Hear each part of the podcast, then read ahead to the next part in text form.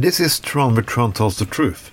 Many of you maybe think that I just a talker, a person just speak my mind and have a lot big words and swear a lot and uh, always have big solution in five minutes every week.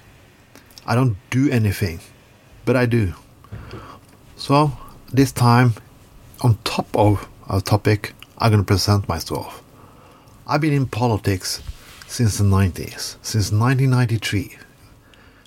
If you, well, that's even a political party. Before that, well, you can go back to 1992. This year, I have 30 years of working with different political topics. It's been racism, gay rights, legalization of cannabis, human rights, free Tibet, and all kinds of local things that you never really heard about. But I've been in politics. I see the environment from the inside. I see how people how it works, on good and on bad. I've been also part of the good and the bad. You learn as long as you live. Nobody's fucking perfect. I'm not. But you can change and can improve. If you don't, it's stagnation and you die. I was more to the right before. It's not that strange, really. I grew up in a nice neighborhood. Even my city was broke in the beginning of the 90s. My, my family still have good paying jobs. I never had to think about that my family will get poor and not can afford their bills. I have privilege. A lot of people have privilege in society from Norway. But there are two people, kind of people with privilege. Those people who also have empathy for the people who are on the bottom. They have empathy and know that then their solution is not necessarily the best solution for everybody else. We need we have different lives and we have to learn to live in different ways. But we all deserve to have a place to live, something to eat, and a good life standard. How you define it, that's up to you.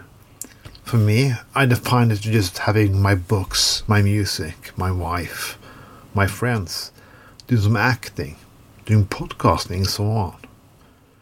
But there are always some people who don't agree with that and think that I should live my life differently, spend more, use more money, and so on. But I cannot live like that. Working more to just get more making me depressed. The times I've done it, I always getting sick I don't feel good and I'm not enjoying my life. I'm not very rich now, but I have enough, and I value what I have. That's why I also live a rich life. A rich life is not always a lot of money, but I some kind of standards I must have. So, therefore, I get fucking tired of listening to rich people who think they have deserved well, they have deserved something if they work hard. And most rich people haven't really worked hard. Don't fucking come bullshit me.